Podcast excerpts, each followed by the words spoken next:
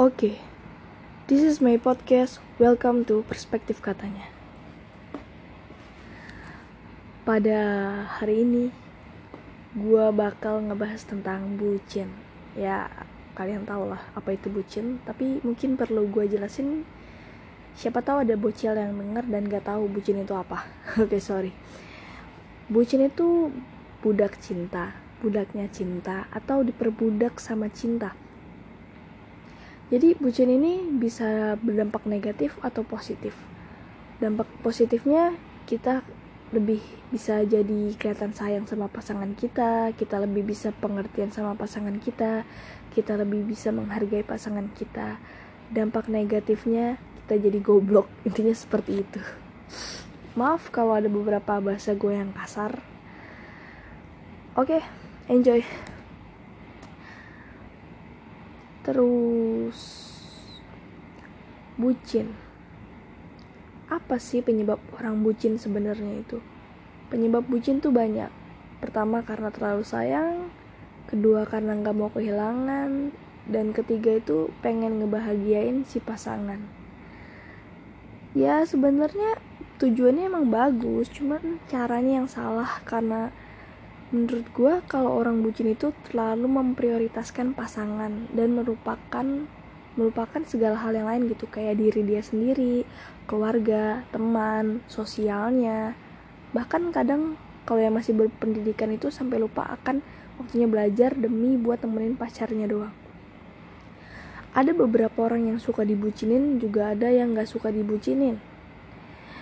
Dan mungkin banyak yang gak suka dibucinin karena gimana ya orang yang terlalu bucin itu lama-lama bikin risih.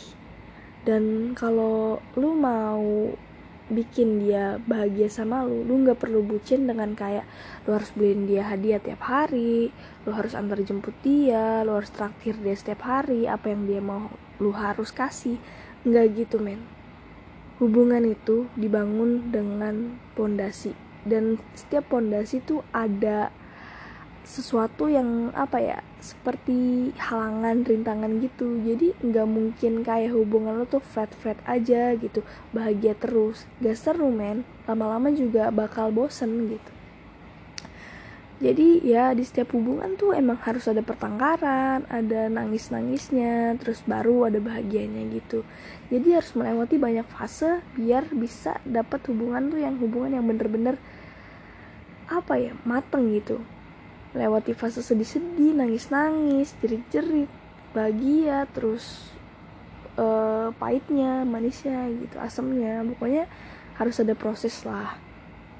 Terus juga kadang kalau ngeliat orang yang bucin itu kayak agak gimana ya kayak ngapain sih lu kayak gitu? Belum tentu juga lu bakal jodoh sama dia gitu Seenggaknya kalau lu mau ngebahagiain dia ya udah jadi rumahnya aja, jadi tempat nyaman buat dia, dengerin keluh kesahnya dia.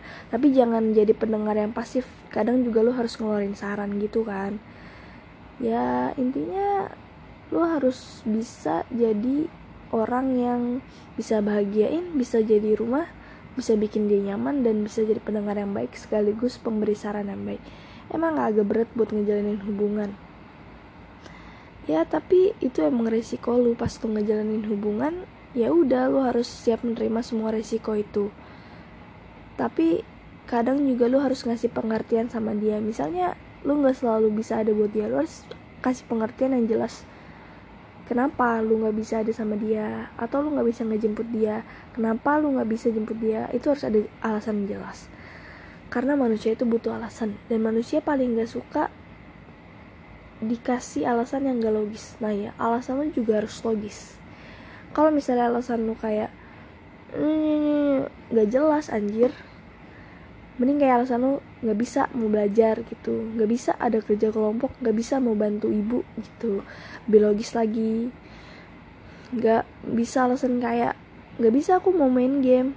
Hello pasti dia ngerasa wah prioritas ini orang game bukan gue dan dia bakal kayak males sama lu lama-lama.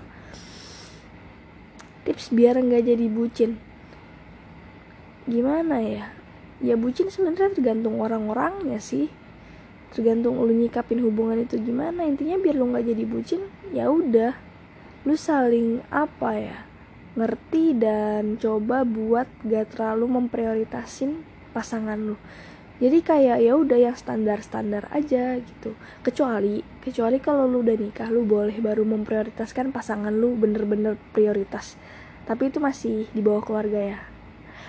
Mungkin podcast dari gue sekian aja dan sorry kalau ada omongan yang kasar or yang lainnya gitu. Dan maaf kalau kata-kata gue kurang jelas.